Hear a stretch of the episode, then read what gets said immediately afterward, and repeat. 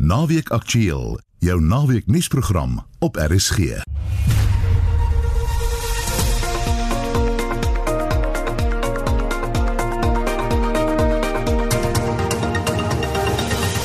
Goeiemiddag. In die volgende uur Moody's het Suid-Afrika se soewereine kredietgradering afgegradeer tot rommelstatus, soos ons in die nuus gehoor het. Die regering verklaar landbou as 'n noodsaaklike diens. Suid-Afrikaners sal vanaand aarduur vier deur hulle ligte af te skakel. So ons vra dat mense maar net die karretjies se ligte flits, skyn 'n lig op aarduur. En 'n Springbok legende het die koronavirus opgedoen. Welkom by Naweek Aktueel. Die span vandag is redakteur Jean Esterhuizen en produksieregisseur Lewona Bekes. Ek is Marieta Kreur. Volg ons gerus op Twitter by Monspek1 of op facebook.com vorentoe skynstreep ZARSG. Die regering het sy kommer uitgespreek omdat Suid-Afrikaners in veral townships nie gehoor gee aan die inperkingsmaatreëls om die verspreiding van die COVID-19 te probeer stuit nie.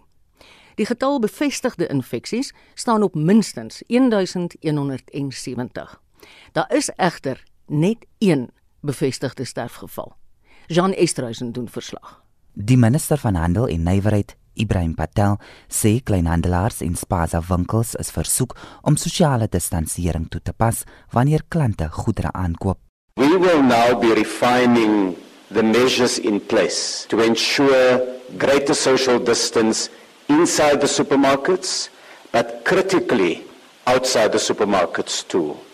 There are a number of measures being looked at. For example, in some of the retailers, they will now be providing trolleys to those in the queue so that there is at least a distance between people constituted by the trolley. Die minister van vervoer, Fakile Mbalula, sê onderhandelinge met die taxi-bedryf oor die nuwe regulasies duur voort. I want to emphasize once more that um, the regulations stand in relation to 5 to 9 transportation for essential workers in the morning and uh, in the afternoon 4 o'clock to 8 o'clock. That still stands. You will have seen long queues of people and that also need to be addressed.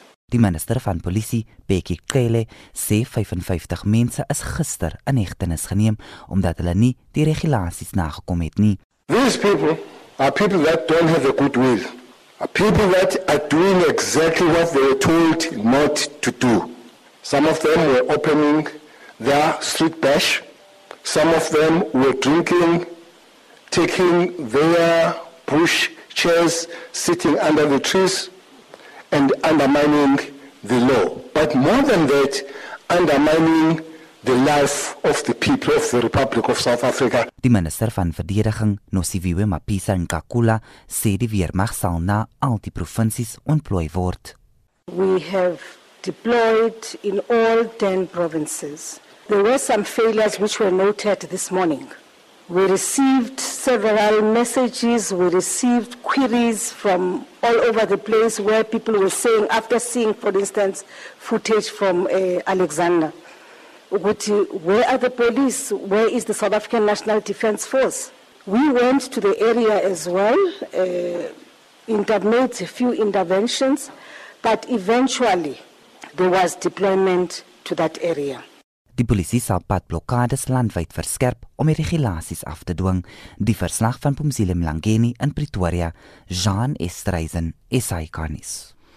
Soos Jean nou net gesê, die eerste dag van die nasionale inperking is gekenmerk deur verskeie voorvalle wat tot inhegtenisnemings gelei het. Die oortreders het nie gehoor gegee aan die regulasies wat president Cyril Ramaphosa afgekondig het nie. Van die mense was na middernag nog op straat in weerwil van die president se rampmaatreëls. Talle mense het gehoor gegee aan die president se oproep dat hulle tuis moet bly. Vroegoggend is meestal mense gesien wat noodsaaklike dienste verrig, soos skoonmakers en veiligheidspersoneel. President Ramaphosa het Suid-Afrikaners gevra om saam te werk om die verspreiding van die koronavirus te beperk, maar nie almal gee gehoor aan die oproep nie. Die minister van polisie, Bekkie Cele sê minstens 7 mense is in Montclair in Durban in hegtenis geneem. We are hearing there are teething problems. We can see in Durban, I was told things went well except seven people that were arrested in a place called Montclair. where they were dancing at about 2 a.m., dancing on the road. Police had to act. They were drinking and dancing on the street, and those were arrested. By die Marabastad vervoerdepot Wes van Pretoria was pendelaars gefrustreerd oor te min taksies wat hulle werk toe kon neem. Hulle sê as noodsaaklike dienswerkers het hulle nie 'n keuse nie. Actually, I should have been on work 7 o'clock. From 5 o'clock, I'm standing here. I have to use the public transport because I don't have a car. I am afraid of this virus, but there's nothing I can do. I have to go to work. Saying the government didn't plan properly about this plan, I think they must go to the board and plan again because the people are not happy and then the people they don't have a transport to go to the work. Verkeer op die land se hoofroetes was swaar weens motoriste wat probeer het om hulle bestemmings te bereik voor die afsluiting in werking tree. Talle mense uit die Wes-Kaap, Gauteng en Noordwes het na die Oos-Kaap gereis. Pendelaars by die Mtata taxi standplek het verduidelik waarom hulle die reis aangepak het. I thank God for being with us on the road. We have not experienced anything wrong. It was smooth, but yes, there were police on the road. But thanks God, we are here now. I'm going to see my mother. Inwoners van Soweto wie se salarisse eers om middernag beskikbaar was, het na die kleinhandelaars in Dubai gestroom om kruideniersware aan te koop. Hulle is ontevrede oor die tydsberekening van die afsluiting en sê president Ramaphosa moes wag tot mense salarisse gekry het voor die maatreëls in werking tree. into enza ukuthi kube kanje no-president into yakhe akayiplananga yabo baba ukuthi the president didn't plan well that's why it's like this here he said the lockdown will start on friday and people last day at work was on thursday die eienaar van 'n taverne in KwaZulu en Port Elizabeth is in hegtenis geneem en 'n nagklub eienaar sowel as sy klante is in Heilbron in hegtenis geneem albei het die regulasies oortree wat vir die nasionale ramptoestand ingestel is en dit lyk ook of die lewe gewoonweg voortgaan in talle townships landwyd. Die verslag van die Tabot Tsetsi en ek is Ina Strydom vir SAK nuus. Die oud Springbok rugbyspeler, Dani Gerber, het positief vir die koronavirus getoets. Die 61-jarige Gerber sê hy het Woensdag begin om simptome te toon. Hy is nou in isolasie by sy woning in Port Elizabeth. Ek het die afgelope 2 weke baie gevlieg en was tussen mense en ek was op 4 5 vliegtye. Ek het Johannesburg toe gevlieg en ek het Kaapstad toe gevlieg en daarvan af Jan Kempdorp toe en toe weer terug Kaapstad toe. Uh is baie moeilik om te sê waar ek dit opgetel het want hierdie ding versprei so en is so tasbaar dat te skerry. Ek het Woensdag simptome begin kry. My lyf het baie seer geraak. Ek het die nag wakker geraak met 'n lyf wat ek nie aan kon vat nie. So seer dit was en toe ek gegaan die volgende oggend, ek kon nie verder slaap van 2 uur af nie. Ek het gegaan vir toetse en hulle het my ondersoek en toe stuur hulle my om te gaan toets en binne 24 ure het hulle my laat weet ek is positief. En ja, vir my was dit nogal 'n skok maar dit kan met enigiemand gebeur en uh jy weet nie waar om te vat of te loop nie. En ek wil net aan julle almal sê asseblief bly in julle huise. Moenie probeer braaf wees en 'n hero te wees nie. Ehm um, hierdie ding versprei en kan baie erge nagevolge hê. Die oud Springbok rugbyspeler Dani Gerber Die ekonomie plaaslik en internasionaal het die afgelope week skerp gereageer op die koronaviruspandemie en die uitwerking daarvan. Ons praat nou met die ekonoom van Galileo Capital, Theo Foster. Goeiemôre Theo. Goeiemôre Marieta. Die kredietgraderingsagentskap Moody's het Suid-Afrika se soewereine kredietgradering afgegradeer tot rommelstatus. Wat was Moody's se redes hiervoor? Marita, ek dink ons moet net eers bietjie stil staan. Hierdie is vir my amper soos iemand wat verby 'n ongeluk ry en sê o, daar was 'n ongeluk. Ons ekonomie is onder druk, ons kry nie groei nie. Nou as ons gaan terugkyk na wat Moody's gesê het in Oktober, in Oktober verlede jaar met die mediumtermynbegrotingsraamwerk, het Moody's reeds gewaarsku dat daai vooruitskatting wat daar gegee was, is nie wat jy verwag van 'n land met 'n beleggingsgradering. Nou kyk ons na die begroting. Daar was 'n klomp planne, die risiko daar was die implementering van daai planne. Dit was reeds nie sterk groei wat vooruitgeskat is nie. Die staatsuitgawes moet nog in beheer gebring word. Die ooreenkoms met die met die vakbonde moet in beheer gebring word En nou sit ons met die koronavirus. Nou wat Moody's, onthou wat 'n graderingsagentskap spesifiek na kyk, is die vermoë van 'n land om sy skuldverpligtinge na te kom. Dit beteken om die renteverpligting en die kapitaalverpligting na te kom. Nou moet ons onthou Suid-Afrika vir alle Suid-Afrikaners, ons betaal aan rente.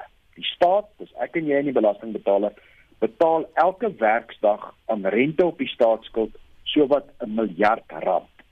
Dit is wat ons terugbetaal. So dit beteken Moody's het nou gekyk en gesê maar wag so 'n bietjie. Daar's twee groot faktore wat uitstaan. Nommer 1, dit lyk nie of jy hierdie skuld onder beheer kan kry of jy die staatsuitgawes onder beheer kan kry nie. Maar nommer 2, dit lyk nie of jy die ekonomie aan die groei gaan kry nie. As jy nie die ekonomie aan die groei kry nie, is die vraag kan jy daai skuld bekostig? Kan jy dit terugbetaal? Maar ek dink as jy nou die koronavirus hier bo-op sit, is Suid-Afrika se ekonomie in 'n swakker posisie as 3 weke 3 maande en 'n jaar gelede.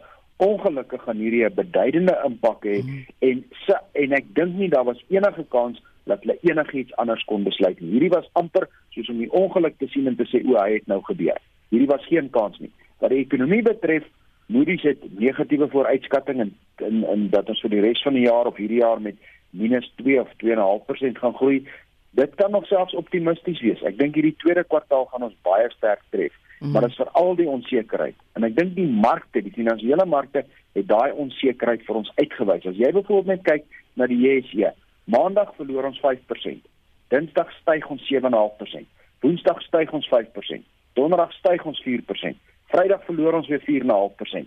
Hierdie tipe wisselvalligheid is nie normaal nie en dit kom terug op hierdie absolute onsekerheid van waar ons nou staan. Maar nee wat ek dink hierdie Moody's besluit, ek dink nie daar's enige iemand wat gedink het hulle kon enigiets anders besluit nie. Suid-Afrika se vermoë om sy rente terug te betaal en sy skuld terug te betaal is baie swakker as in Oktober met die minimumtermynbegrotingsraamwerk en swakker as in Februarie met die begroting. Toe jy verduidelik hierdie goeters baie helder. Wat gaan die impak van hierdie besluit op ons ekonomie wees? Goed, die vertrekpunt van 'n graderingsagentskap soos 'n afgradering is soos dat jy na 'n bank toe gaan en jy wil krediet leen of geld leen. Hoër jou risiko is, hoër meer rente gaan jy betaal. As jy 'n swak betaler is, dan moet jy uiteindelik gaan en dan moet jy miskien gaan leen by by, by 'n geldvoorskieter wat vir jou 15 of 20 of 25% gaan betaal. As jy 'n goeie lener is, gaan jy na na 'n bank toe en hulle sê vir jou ons sal vir jou teen prima min 1 leen of prima min 1.5 as jy goed is. Op hierdie stadium is Suid-Afrika wegbeweeg van 'n goeie lener mm. na 'n bietjie meer 'n spekulante of riskante lener. Dit beteken as ons nuwe geld moet leen, gaan ons 'n hoë rentekoers moet op daai geld betaal. Mm. As ons van ons ou skuld moet oorrol, gaan ons 'n hoë rentekoers betaal. Dit beteken daai 1 miljard rand per dag mm. per werksdag wat Suid-Afrika aan rente betaal, gaan hoër word. So dit gaan 'n druk plaas op ons toegang tot kapitaal. Die vraag is net ek dink hierdie was tot 'n groot mate verwag. Daar moes niemand daar buite wat nie gedink het na dese gaan Suid-Afrika swaar trek. So ek dink dit is tot 'n groot mate in die prys maar in in die, ons staatsskuld se rentekoers, maar verseker gaan dit die kapitaal strammer maak en beleggers gaan 'n hoër opbrengs verwag op enige belegging. Jy het net na die JSE verwys. Is ek reg as ek sê aandelebeurse wêreldwyd het gereageer op hierdie pandemie? Watter neigings was daar op ander beurse? Ja, dit is heeltemal in lyn met die met die res van die wêreld. Almal is tot 'n baie groot mate afverkoop. Markte in die wêreld is, is dramaties afverkoop en die vertrekpunt hierso is As jy gaan kyk na ekonomiese aktiwiteit en die inperkingsmaatreëls reg oor die wêreld, dit het 'n dramatiese impak op ekonomiese aktiwiteit, op ekonomiese potensiële transaksies tussen mense wat beteken maatskappyresultate gaan onder groot druk kom en en jy gaan tot 'n baie groot mate sien dat in baie gevalle gaan 'n maatskappy se se resultate rondom hierdie periode en dit hang natuurlik af hoe lank dit is ja. gaan baie afwees. Inteendeel dit kan negatief ook wees. En dan beteken dit jou waarderingsvlakke op daai maatskappy moet laer wees, dood eenvoudig omdat die maatskappy se winsgewendheid beduidend laag gaan wees. Nou in baie internasionale markte, soos die Amerikaanse mark, wat reeds baie baie duur. So mense kan daar sê daai mark het met 30% geval. Miskien gaan daai mark dit nooit weer terugkry nie want 'n goeie 20 van daai 30% was oorwaardering en dit is die vraag waarmee hmm. markte sit. Jong, ons het ook gesien die rand styer teen die groot geldeenhede. Dit was in lyn met alle opkomende markte. Onthou Suid-Afrika is 'n baie likwide opkomende mark. Daar's 'n baie diep mark in terme van rand dollar wisselkoers, rand pond, rand euro en dan is daar baie likwide effekte mark. En inteendeel, ons het vroeg in die week gesien dat vir die eerste keer het die Reserwebank sterk begine inkom mm. en kwantitatiewe verruiming verruiming tipe toegepas. Hulle sê dit is nie dit nie. Hulle sê dit suiwer net gewone hulle dag-tot-dag likwiditeitaktiwiteite. Ek dink dis een stapie meer as dit. Maar dit is 'n meganisme om 'n koper te skep vir ons staatseffekte. Die rand het ook onmiddellik verstewig, maar ek dink hierdie huidige beweging in die rand-dollar wisselkoers gaan meer oor vrees. Die rand ja. gaan stabiliseer mm. as jy in jou plaaslike supermark instap en die toiletpapier is tot teen die dak teen 'n afslagprys en niemand koop dit nie. Dan gaan sentiment verander. Dis dieselfde met die rand. Op hierdie stadium dryf sentiment dit. Jy maak my lag. Wat staan elkeen van ons nou te doen met ons eie geld en beleggings te midde ja. van al hierdie onsekerheid vir jou? Wel, ek dink eerstens moet jy fokus om jouself en jou familie gesond te hou en elkeen van ons het 'n rol om om 'n tipe van die emosies te bestuur in ons huishouding. Dis dis baie belangriker as die geld wat hier in en uit vlieg. Tweedens, ek dink jy moet kontant en alle koste beskerm, maar as jy gelukkig genoeg is om 'n maandelikse salaris te verdien, om inkomste te verdien, dink ek dis nou die tyd wat as jy as jy in 'n pensioenfonds behoort of 'n aftreeanniteit of groeifondse om daai maandelikse bydrae te verdubbel of te vertrippel as jy kan. Okay. Verdubbel dit nou vir die volgende 3 en 6 maande. Jy koop nou 'n rand se waarde vir 50 sent, verdubbel dit. As jy iemand is wat lewe van jou beleggings, sny alle luukse uitgawes uit en stel dit uit. As jy byvoorbeeld 'n nuwe kar moet koop, moet dit nie hierdie jaar koop nie, koop dit volgende jaar. As jy die huis wil verf, moet dit nie hierdie jaar verf nie, verf hom oor 2 jaar. So as jy van jou beleggingsinkomste afhanklik is, stel jou uitgawes uit so ver jy kan en beskerm jou beleggings in hierdie tye wanneer jou wanneer rand se waarde teen 50% verander. Maar as jy belê, as jy jonk is, as jy geld wegsit, verdubbel daai uitgawe, sit nou meer as ooit weg. Jy gaan oor 'n 3 jaar baie bly wees hiervoor. Baie dankie. Dit was die ekonom van Galileo Capital, Theo Foster. Die regering het landbou as 'n noodsaaklike diens verklaar. Die hoofbestuurder van TLUSA, Benny van Sail, sê die landbousektor sal hierdie vergunning om met hulle werksaamhede voort te gaan met groot verantwoordelikheid moet hanteer. Hy sê elke plaas moet die maksimum veiligheidsmaatreëls daarstel om die verspreiding van die koronavirus te beperk. Uit die aard van die saak is dit 'n krities belangrike besluit. Ons moet ons mense gesond hou. Jy kan tog nie vir 3 weke nie vir mense kos gee nie. So dit is 'n baie belangrike besluit van die regering. Ek dink dit is 'n verantwoordelike besluit. Ons as landbouers sal uit die aard van die saak dit ook met groot verantwoordelikheid moet hanteer om seker te maak dat ons dan ook binne die beperkte omgewings wat vir ons toegelaat word en ek praat spesifiek nou van higiëne en die gesondheidsregulasie moet ons alles in ons vermoë doen om te kyk na die mense se veiligheid in die produksieproses en ek dink dit is deel van wat landbou in elk geval doen. Vandat die virus ek eerste keer sy kop uitgesteek het, het ons as landbouorganisasies waar ons by TLS sterk riglyne te boere deurgegee om maksimaal seker te maak dat ons nie dit ons werkers onnodig doodstel nie. Ek het die minister het baie duidelik gestel dat die hele landbouwaardeketting is eintlik hierby ingesluit van die verskaffers, die produsent tot die verwerkers en die verspreiders om seker te maak dat die kos op die rakke van die winkels kan kom vir ons mense.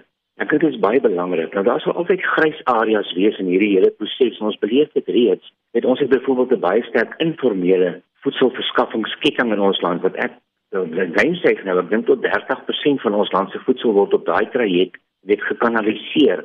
En daar is ook bepaalde beperkings dat ook markte nie gehou kan word nie, maar wel onder dak. Nou 'n groot deel van daardie markte het 'n bepaalde probleem. Dit is dinge wat ons vir die minister in 'n hartaalgroep bespreek het.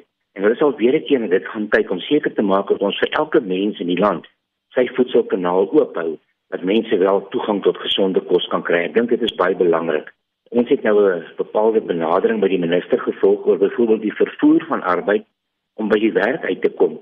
En nou het ons al reeds vanoggend bepaalde hakplekke gekry van padplekkaars wat buitekant ons ooreenkoms eintlik nou die saak hanteer, maar dis dadelik opgeneem, dis dadelik deurgegee. Benny, as ons nou kan raad gee aan boere spesifiek met die permit, watter besonderhede moet hulle werknemers het wanneer hulle werknemers dan nou reis om by die werk uit te kom of om die goedere te gaan aflei?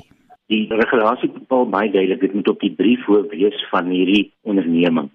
En die hoofbestuurder of die CEO soos hulle dan Engels sê, moet dan hierdie brief onderteken en daarop moet verskyn volle kontakbesonderhede en adres van hierdie onderneming dan ook die kontakbesonderhede van die eienaar van hierdie plaas met sy ID-nommer wat ons nou nie bygekry het. Dit was aanvanklik nie daar nie.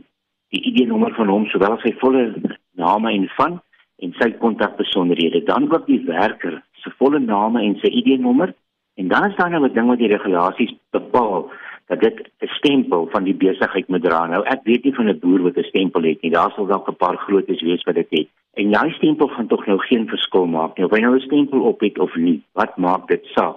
Maar die hartseer is dit is soos dit nou nou gesê toegepas is van die mense hou by die regulasies.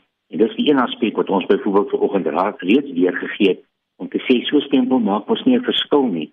En nou moet hulle ook nie na vore kom en sê maar almal moet by die polisie dit gaan kry nie. Dan skep ons weer onnodig blootstellingsgeleenthede. Ons beleef reeds dat dit verskillend geïnterpreteer word reg hierdie land. Party plekke is geen probleem sonder die stempel nie, ander plekke wil dit nou weer toegepas hê. En ons moet hierdie goed so gou as moontlik eendragtig in 'n praktiese manier neersit. Dit gaan oor effektiwiteit En natuurlik kyk ons eers na die gesondheid, maar ons moet ook gaan kyk dat die proses moet voortduur om te kan kos produseer en vir die mense kos te voorsien. Watter maatreëls is daar nou vir arbeiders wat pendel om by die werk uit te kom?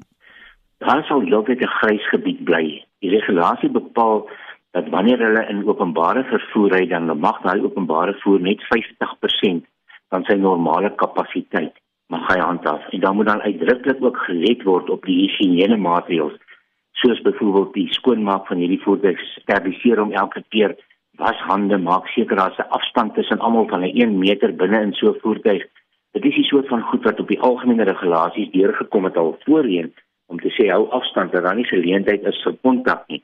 Dit is die basiese benadering. Op privaat voertuie sê die regulasies 60% van 'n voertuig se het geregistreerde aantal mense wat in hom mag ry mag dan nou wel in daai voertuig wees. Pas altyd heel eers by die veiligheidsgoed toe. Laat elkeen elke keer eers sy hande was seker maak ons het nie onnodige kontak nie. As iemand bietjie verkouerig is of hy hoes, moet hom nie laat gaan werk nie, dat hy nie inklim in die voertuig nie. As daar nie die opsie dan dat die arbeiders op die plaas kan woon nie vir tyd en wyl? Ons het dit baie sterk aanbeveel dat arbeiders eerder op die plaas woon indien dit enigstens moontlik is. Ongelukkig is dit nie op al die plekke moontlik nie.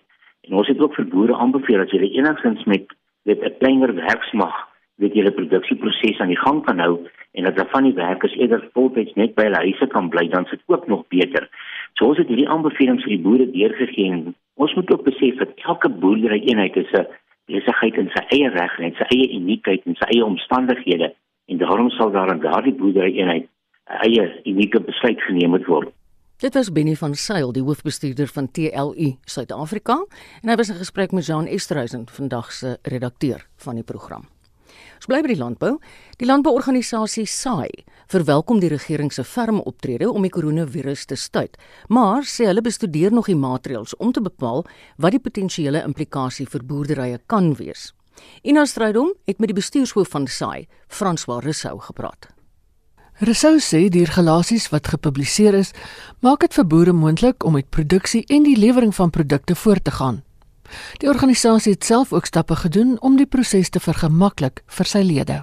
Toe landbou vrygestel is van die afsondering in die nuutste regulasie of die 25ste regulasie 43148 het dit verseker dat landbou kan voortgaan met hulle aktiwiteite om voedselsekerheid te verseker. Van ons kant af het ons 'n aanlyn webplatform geskep waar familieboere en die wat essensiële dienste aan landbou verlewer, hulle dokumente en inligting kan invoer en dit dan maklik op 'n PDF formaat en met 'n QR-kode kaartjie op hulle fone beskikbaar kan kry sodat as hulle by padblokkades gestop word hulle hierdie inligting kan toon en die veiligheidsdienste dit kan nagaan sodat hulle kan deurry. Hy sê te midde van aanvanklike onsekerheid oor die toepassing van die inperkingsmaatreëls is dit noodsaaklik dat boere hulle identiteitsdokumente by hulle het. Kyk, dit is eerstens belangrik om te weet daar is nie 'n amptelike dokument nie. Ek sien uh, daar's baie van hierdie vorm C dokumente wat uitgestuur word op verskillende briefhoofde en so, maar hierdie goed is redelik beskikbaar vir die publiek waar jy jou inligting invul. Hierdie regulasies is 'n formaat waar langs ons werk om die beste praktyk daar te stel. Jy moet besef dat ons moet werk op die minimum bewyslas om te sê wie is ek, waarheen is ek op pad, wat is die bewyse dat waarheen ek op pad is, uh in die beste belang is van voedselproduksie en landbou. So dit is die oordeel wat hulle moet gebruik by hierdie padblokkades. Daar is nie 'n standaard vorm of 'n of 'n amptelike vorm wat 'n mens net kan ingee en sê hoor die okay, hierdie is die be all and end all. Ons het nou al vanoggend reeds 'n klomp terugvoer gekry van 'n klomp mense wat deur padblokkades was wat nog nie regtig moeilikheid gehad het nie. So dis net belangrik dat mense hulle identiteitsdokumente by hulle kry en dan waarheen hulle reis bewyse het daarvan. Wat die grootte van werkersgroepe betref, is daar gister nuwe maatreëls uitgereik om werkers se veiligheid te bevorder kyk eerstens is dit belangrik om te let met die nuutste regulasies wat ver oggend uitgekom het dat werkers net op 50% kapasiteit van van publieke vervoer kan werk. En dan is dit op werknemers die verantwoordelikheid om net essensiële dienste of essensiële werknemers vir die diens wat hulle lewer te identifiseer ons moet bly by hierdie regulasies en daar waar ons dan essensiële werknemers geïdentifiseer het, is dit belangrik dat ons vir hulle die nodige higiëniese maatreëls hulle vergewis daarvan en hulle ook toegang gee tot die nodige toerusting of handreiniger om dit te implementeer.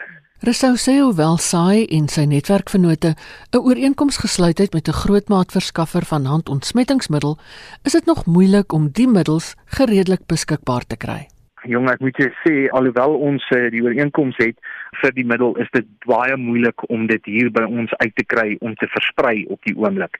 Soos wat jy weet is daar baie hoë aanvraag vir hierdie hierdie middels en sodra ons die bestelling vasgepen het aan hierdie kant dan sal ons hierdie verspreidingsmeganismes uitsort. Hy het dit weer benadruk dat daar genoeg kos sal wees. Maar dat daar kwesbare groepe is wat geraak sou kon word. Suid-Afrika sal voedselsekerheid hê. Ek dink dit is net belangrik dat ons as landbou en en en die primêre produsente nie misbruik maak van die geleentheid wat ons hierso het nie. Daar's baie industrieë wat ly hieronder as ek dink aan gastehuise en hotelle wat geen remedie het tot hierdie toestand nie.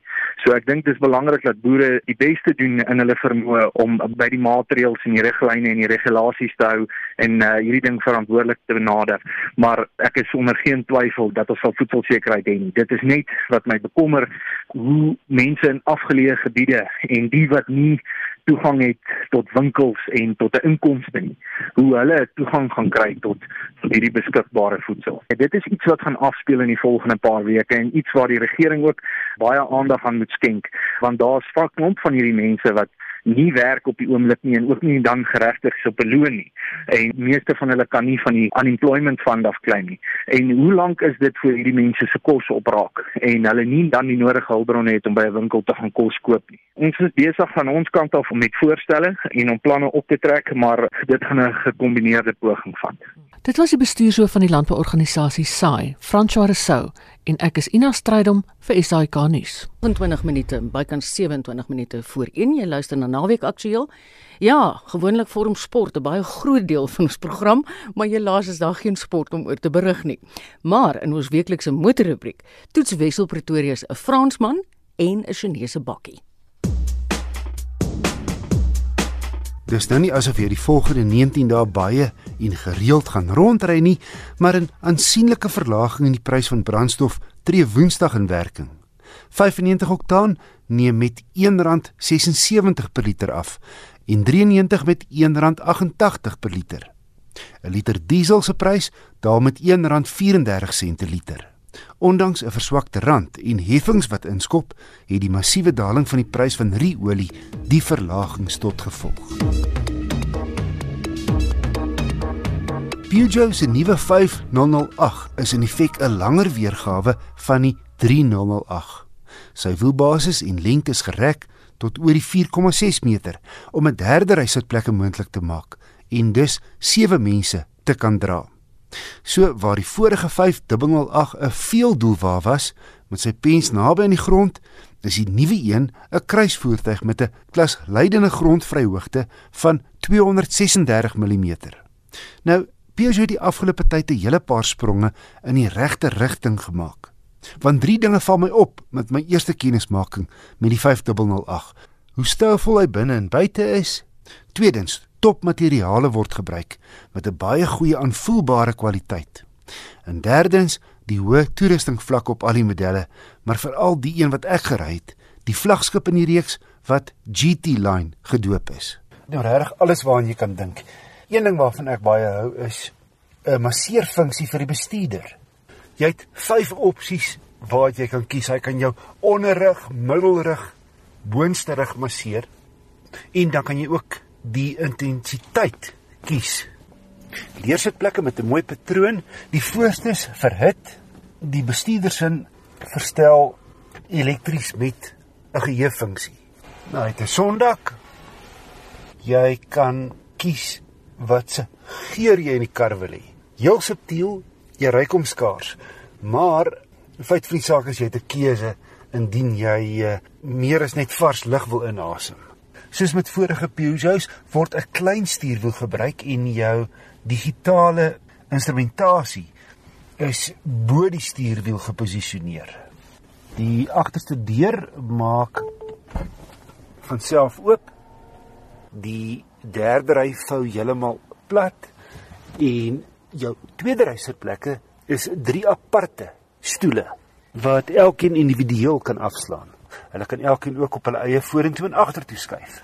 En die tweede ry passasiers het ook 'n skinkbord wat oop en toe kan vou en blindings vir die vensters. Selfs die goedkoper Allure model bied kenmerke soos twee sone klimaatbeheer, parkeer op reg rondom, laan verlaat gonsers, blindekol waarskuwing en verkeertekenherkenning. Die GT Line voeg nog goed by soos 'n nog beter klankstelsel, navigasie, 'n 180 grade parkeerkamera en 'n noodstopfunksie.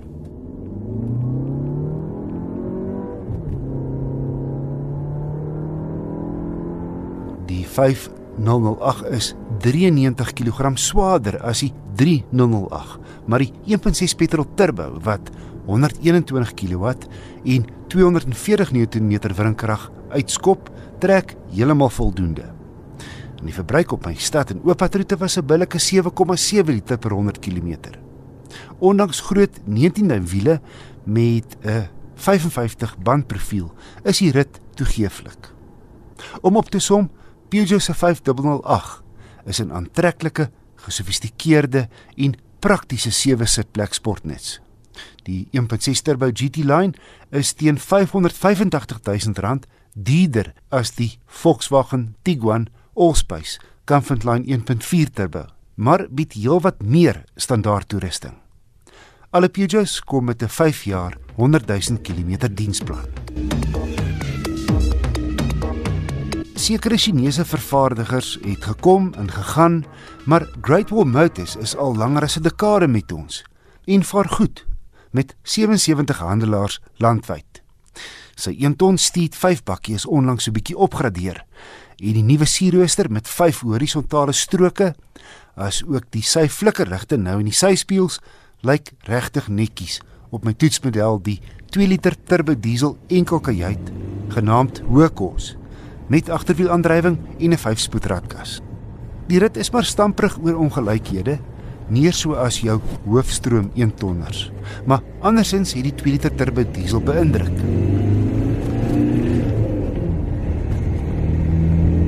Ag 70 kW en 225 Nm wrinkrag is glad nie aardskuddende syfers nie, maar volop krag is al van baie laag in die toerestrek beskikbaar. Elektriese spieëls en vensters met die bestuurdersin die een aanraak tipe. Hier's ook 'n radio en ligversorging wat baie effektief werk. Verder misligte voor en agter en die hoofligte kan op en afgestel word. Verder 'n houer in die middel tussen die twee voorste sitplekke wat ook as 'n armrest dien. Ook 'n USB-punt en die stuur kan op en afstel. So heel volledig toegerus vir 'n werkesel vir altyd 'n prys van R195 000. Verder voel die bakkie solied. Ek kon nie binne of buite enige swak afwerking of skewe panele vind nie. Maar daar is 'n vangplek. Hierdie basis enkelkajuit turbo diesel bied nie sluitweer rieme of enige lugsakke nie. Veiligheidskenmerke wat standaard behoort te wees. Vir bykomende R20000 kan jy egter opgradeer na die sogenaamde safety model wat wel twee lugsakke voor en ABS rem het. Ek beveel die model aan teen R215000 steeds baie goed geprys. Nissan se NP200 1.5 turbo diesel, 'n kleiner bakkie wat soortgelyk toegerus is, kos 'n volle R34000 meer as die Steed. 'n Diensplan is opsioneel op GWM se Steed 5 enkelkajuite, maar kom met 'n 5 jaar 100 000 km waarborg en AA padbystand vir 5 jaar. Die minister van basiese onderwys, Angie Motshekga, het donderdag verskeie maatreëls bekend gemaak wat van krag sal wees tydens die tydperk van inperking. Dit sluit onder meer ondersteuningsprogramme in wat op verskeie media uitgesaai sal word. Ons praat nou met die bestuurshoof van die Suid-Afrikaanse Onderwysunie, Chris Klopper. Goeiemôre Chris. Goeiemôre Mariet, goeiemôre ook aan die luisteraars. Wat behels die beskikbaarstelling van leermateriaal op verskeie radiostasies, televisiekanale en ander platforms? Nou ek dink dit is 'n eerlike poging van die minister weet jy om te help dat kinders deurlopend weet jy bepaalde vaardighede steeds onder die um, knie kan kry en baie belangrik weet jy dat 'n mens amper al die vaardighede steeds in oefening sal bly daarmee. Mm. Hoe ges, hoe suksesvol dit sal wees weet mense nie want dit sal afhang van die dissipline wat by skole of nie by skole nie by huise sal heers en wat ouers eintlik weet jy maar kinders weet jy sal sal half dwing om by hierdie programme in te skakel. Leerlinge in arm gemeenskappe het moontlik nie die toegang tot hierdie verskillende media nie. Hoe kan hulle gehelp word? Wel ek dink die belangrike ding is is dat 'n mens moet die skoolhoof en die skole se bestuurspanne bemagtig om hulle te help om na die tyd, dit wil sê vanaf die 17de, weet jy te begin met 'n met 'n program van opvang en dat daai opvang baie gestruktureerd sal wees en dat daai program so sal wees dat jy aan die einde van die tydperk 10 skooldae wat verlore kan wat verlore gaan, weet jy kan opvang. Nou dit klink baie as jy praat van 10 skooldae maar jy praat eintlik van weet jy die grondslagfase grade 1 tot 3 praat jy van om en by weet jy 46 ure en dan in die verdere onderwys en opleidingsfase dit wil sê dis die hoërskoolkinders praat jy van 55 ure so dit is nie te veel nie maar dit sal mooi netjies gestruktureerde werk verg om dit op te vang. Chris wat word van die onderwysers nou in hierdie tyd? Wel die onderwysers is ook ingeperk. Ja.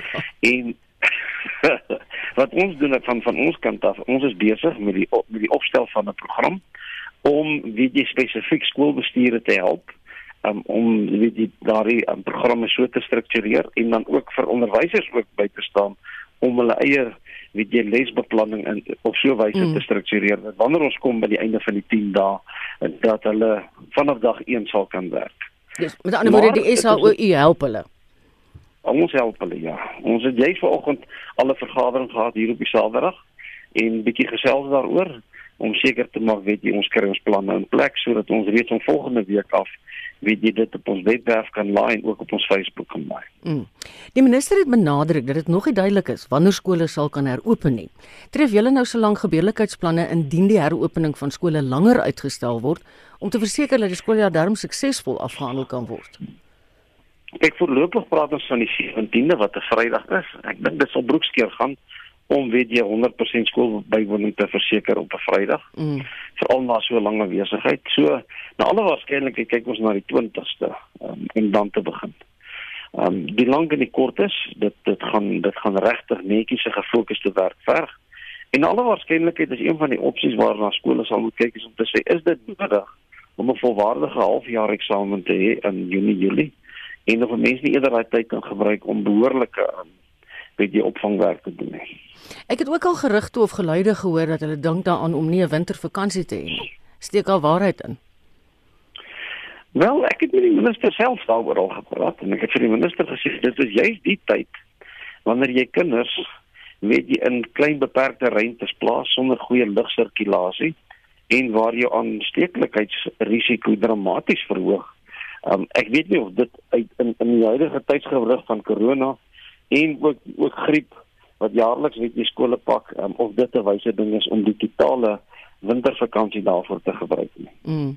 Baie baie dankie. Dit was die bestuurshoof van die SAOU, Chris Klopper. Miljoene mense wêreldwyd gaan vanaand aarduur vier wanneer hulle hulle ligte vir 'n uur afskakel. Maar die COVID-19 pandemie het die Wêreld Natuurlewe Fonds genoop om die geleentheid op alternatiewe maniere te vier. Die uitvoerende hoof van die WWF in Suid-Afrika, Dr. Morney Du Plessis, sê geen byeenkomste kan plaasvind weens die inperking nie. Hy vra mense om op sosiale media hulle aarduur bedrywighede te deel. Kyk, dit hier is dwars oor die wêreld raak ieder en elk en uh, ons het nog nooit so iets gesien in ons lewens nie natuurlik is dit iets wat van die uiterste belang vir almal is. So WWF dwars oor die wêreld het aarduur heeltemal digitaal beweeg. Met ander woorde aarduur word verjaar natuurlik nie in groot okasies en same drommings en so aan gevier nie. Ons ons vra dat mense dit privaat by hulle huise doen en dan op sosiale media, miskien op Instagram of Twitter of Facebook foto's kan uitstuur aan ander mense om te wys hoe hulle dit as 'n gesin of as vriende gevier het. In Suid-Afrika, hoe gaan julle die inisiatief anders benader? Ons het eers beplan dat ons hierdie jaar avontuur wedlope die Kirstenbos Botaniese Tuin as ook die Walter Sisulu Botaniese Tuin sou vier. Dit is waar gesinne kom en met koplampe en so 'n tipe van 'n amazing reis met leidrade en so voort doen en dit is natuurlik baie pret. Maar nou met die sogenaamde lockdown is ons natuurlik almal in Jan Tuisplek se karretjie So ons vra dat mense maar net die karretjie se ligte flits, skyn 'n lig op aarduur. En maak seker dat jy op sosiale media by fotos pos en maak dit so interessant as moontlik want ek dink baie mense het 'n bietjie uh, moed nodig nou met COVID-19 wat nie kinderspeeltjies vir enigiemand van ons gaan wees nie. Maar wat kan Suid-Afrikaners doen na aarduur? Ons as land gebruik natuurlik ontsettend baie fossielbrandstowwe om uh, bykans 90% van ons elektrisiteit op te wek. Nou aarduur gaan oor die bekamping van klimaatsverandering. Ons is reeds op 'n traject wat aardverwarming sodoende gaan plaasvind dat ons groot ekonomiese konsekwensies gaan uh, ervaar. Dit gaan COVID-19 oor die medium tot langtermyn ongelukkig na 'n uh, relatief klein piknik lyk.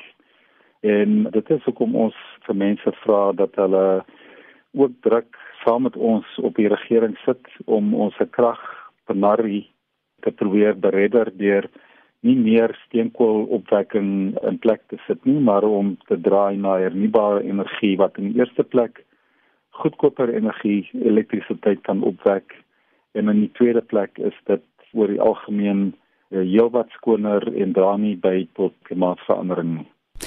Watter impak het die inisiatief in die verlede gehad op byvoorbeeld kragverbruik in Suid-Afrika en ook mense se benadering in terme van kragverbruik? Ek dink die impak van aarduur is nie noodwendig die elektrisiteit wat in daardie uur bespaar word nie, maar As mens net praat van die impak, dit kan ons meet of indirek meet deur die aantal mense wat deelneem aan aarduur en ons eh, berekenings is dat verlede jaar tussen 2 en 4 miljoen mense in Suid-Afrika aan aarduur deelgeneem het wêreldwyd amper ons raak aan wat ons skat 'n miljard mense is wat aan aarduur deelgeneem het laas jaar. So dit is 'n ontsaglike groot veldtog Die oomblik is 8:30 op Saterdag aand die 28ste Maart die mees oostelike lande tref. Dan gaan die ligte daar afgesit word of hoe die mense dit ook al gaan vier en dan sweep dit van oos dwars oor die aardbol na die weste kant toe. Elke uur is daar 'n half 8, 20, 30 tyd oomblik wat gebeur en vir 'n uur sit mense steek 'n kers op skyne lig op aardverwarming en die gedrag wat ons moet tentoonstel om seker te maak dat ons nie verder onnodig bydra tot aardverhitting nie. So sê Dr. Morney Du Plessis, die uitvoerende hoof van WWF Suid-Afrika. Hy was in gesprek met Jean Estreisen. Drie kunstenaars van Potchefstroom in Noordwes het met 'n inisiatief begin wat hulle noem Kuns gee hoop. Die doel is om oor die volgende 21 dae tydens die tydperk van algehele afsondering kunswerke te maak wat later verkoop kan word ten bate van liefdadigheid. Ons het drie kunstenaars nou op die lyn saam met ons. Ons gaan gesels met Kronee Lemmer, Deedrey Victor en Roy Vieira Forte. Goeiemôre aan almal van julle. Hallo Marie. En baie welkom by ons program. Deedrey, waarom het julle ouens met hierdie inisiatief begin?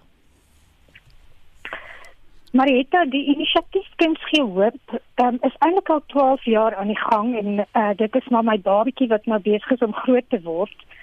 En um, die idee was dat ons op 'n interaktiewe manier probeer om met die kunste en as dit nou sê kuns gee hoop, bedoel ek eintlik al die kunste. Hmm.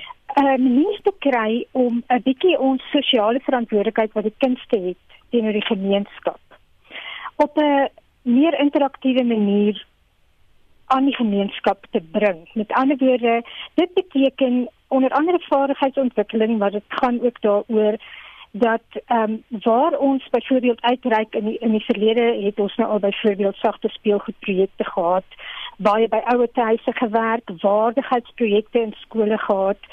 Ehm um, in kombersies in skole uitgedeel omdat ek by opvoedkinders vir baie lank betrokke was. Hmm maar dan ook met die idee dat die gemeenskap waarin ons dan hierdie projekte doen self ook 'n bydrae lewer. En hierdie jaar fokus ons dan nou op die teaterbystandsfonds. Met ander woorde, my ehm um, hart wil gaan staan toe ek sien die KAK en KAS af want ek het onmiddellik besef kunstenaars leer van die hand na die mond. Mm. En ek het gevoel dat ehm um, miskien is daar 'n manier waar die kunste dan nou hierdie keer vir die kunste iets kan doen en daarom het ons dan met hierdie projek begin. Ja, die teaterbystandsfonds doen wonderlike werk. Rooi, wie kan almal aan hierdie inisiatief van julle deelneem? En um, enige iemand kan deelneem as jy um, 'n um, pen in jou hand het en jy het 'n A5 papier dan is jy onmiddellik 'n kunstenaar. so en dan 21 dae elke dag in jou gehokte ingehokte toestand kan jy kreatief wees en ehm um, wat vir jou hoop bring vir met ander deel. Kronje, jy praat nou hier van A5 kunswerke. Is dit in enige medium? Ja, ja, Marita. Uh, dit kan 'n skets wees, dit kan 'n uh, houtskool wees, dit kan waterverf wees, enige medium. En ons wil dit ongeraam hê. OK, met ander woorde, as iemand nou luister op die oomblik en hulle besluit hulle wil deel wees van hierdie inisiatief, hulle gebruik suiwer die A5, A5 en julle sal dit dan later op julle manier uitstal en dit verkoop. Ja, presies en uh, en uh, daai daai fondse gaan dan alles net so na die uh, teater uh, bystandsfonds en ons beoog dat dit verkoop vir 100 rand. Okay, so ons, o, ons wil ons wil dit baie baie verbruikersvriendelik hê. Ja, ek verstaan. Nou, wat gebeur nou na hierdie ek sê net maar iemand luister nou, hulle gaan nou teken dat dit bars elke dag vir hierdie 21 dae. Maar die, wat wat moet hulle dan met daai kunswerke maak? Uh, hier in Potchefstroom kan ons dit vir ons ingee by die by die Potchefstroom museum. Okay. Daar uh, op die hoek van Wolwerandstraat en Solplaatjies laan. Mhm. Mm en stelling gaan daar wees en as ons nou baie uh, reaksie gaan kry, dan gaan ons nog plekke vra waar dit ingehandig kan word en dan gaan ons een groot uitstalling hê. Ja, maar dit sal tog sekerlik vir julle meer fondse inbring, né? Ja, Ja. Renai, um, ehm, ekskuus tog maar klaar? Ja, yes. ek wil gou sê uh, uh, uh, uh, ons doen dit juis hierdie 21 dae want hierdie om, om jou omstandighede kan jy nie verander nou nie. Ons sit almal agter slotte. Maar dit is jou ingesteldheid daar. Wat gaan jy maak met hierdie 21 dae? So ja. dit is dink jy weer skepend en jy jy gaan sien jy sien later omtrent nie meer slotte nie. Ek wil jou vra Deedrey, hoe kan kunstenaars betrokke raak by die projek? Het julle ergens 'n webwerf? Is daar iemand wat hulle kan bel enige iets? Ja, Marita, ons het 'n Facebook bladsy. Wat dis goed. Um, wat ja, onder die naam Create Hope gaan, twee woorde. Maar nou sal julle ook sien as julle kyk by Create Hope, is daar vreeslik baie ehm um, naampies wat opkom en ander allerhande ander blaadjies. So gaan soek asseblief vir ons logo. Ons logo is 'n uh, donkerblou wateragtige uh, uh, agtergrond dan dan staan daar op, op create.21 of skep.21. So daarop gaan ons heelwat inligting sit ook in verband met versamelpunte want ons dryf hierdie projek landwyd. Dis baie so, interessant, ja. Asseblief graag hê dat mense moet deelneem. Ons sal dan al die inligting rondom die landwyse versamelpunte en uitstallings dan daarop deel en dan het ons ook 'n e-posadres waarna toe mense ons asseblief moet skakel want ons is ontsettend opgewonde oor hierdie projek. Ek skryf. Ek glo dit gaan 'n groot verskil maak. Praat stadig, ek skryf. So, um, skryf jy. Die e-posadres ja. is create met 'n hoofletter C. C R E A T E. Ja. Punt. Punt. 21 21 days. 2121 ja. Days. Ja. By gmail. Well, okay dis maklik. Kom. Daar sê ja. jy rooi het julle al enige reaksie gehad van elders in die land? Of nog net van Potchefstroom Um, ons ek en Connie was deel van die Wilderness Kunstefees. Ons het vir hulle laat weet dit is oop nasionaal. So enige iemand wat luister kan betrokke hierby wees. Ek wil vir julle baie dankie sê vir hierdie inisiatief wat julle geneem het. Ek het gesels met Kronje Lemmer, Deedrey Victor en Roy Vieira Forte en ek gaan nou die e-posadres weer gee. Create, soos in Engels, maar met 'n hoofletter C. Create C R E A T E. 21 days 21 days at gmail.com Hoofletter C create 21 days die 21 is 21 at gmail.com Ek kan nie glo hierdie ure het so vinnig verbygegaan. Ons vat 'n musikale blaaskans vir ons finaal amen sê Sterren Lam met vier woorde. Vier woorde jy kry en verloor dit ek lief vir jou. Het gesê dis vir ewig maar waar is jy nou? sal eerder blind raak as om julle saam te sien. Hoe jy jou hande vat in joune en nie meer aan my dink nie. Dis net te veel vir my. Is dit nou jou verby? Sal eerder blind raak. Sal eerder doof word wat ek hoor hoe jy sê dat jy vir ewig saam wil wees en niemand anders reg was nie. Dis net te veel vir my. Is dit nou jou verby? Sal eerder dood word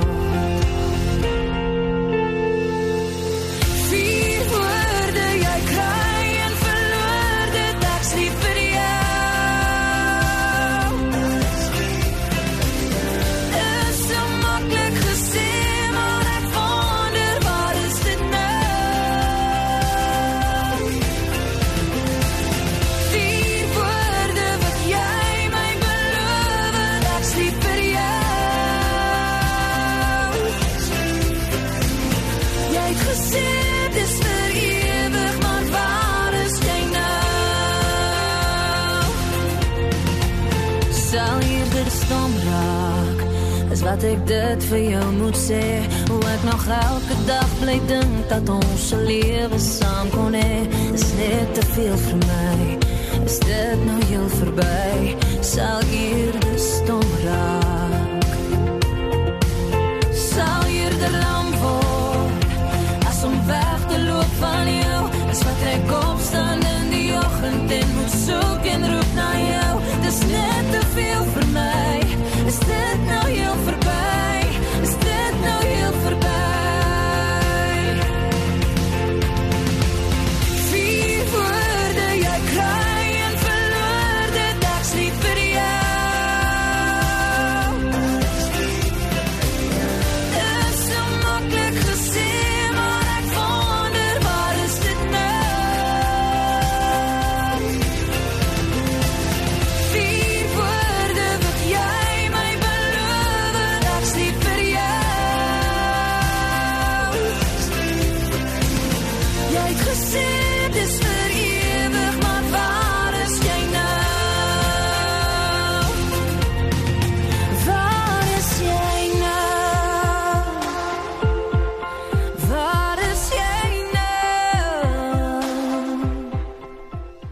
stem van Tern Lam met vier woorde. En ons program lê op sy rug. Naweek aktueel vir hierdie Saterdag. Ons groet namens die waarnemende uitvoerende regisseur Wessel Pretorius, die redakteur Jean Esterhuizen, ons produksieregisseur vandag is Lewona Bekes, ek is Marietta Kreer.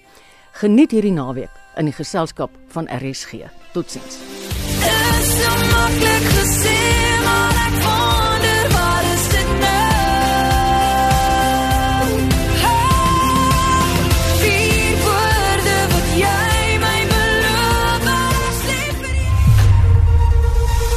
SAK nuus. Onafhanklik, onpartydig.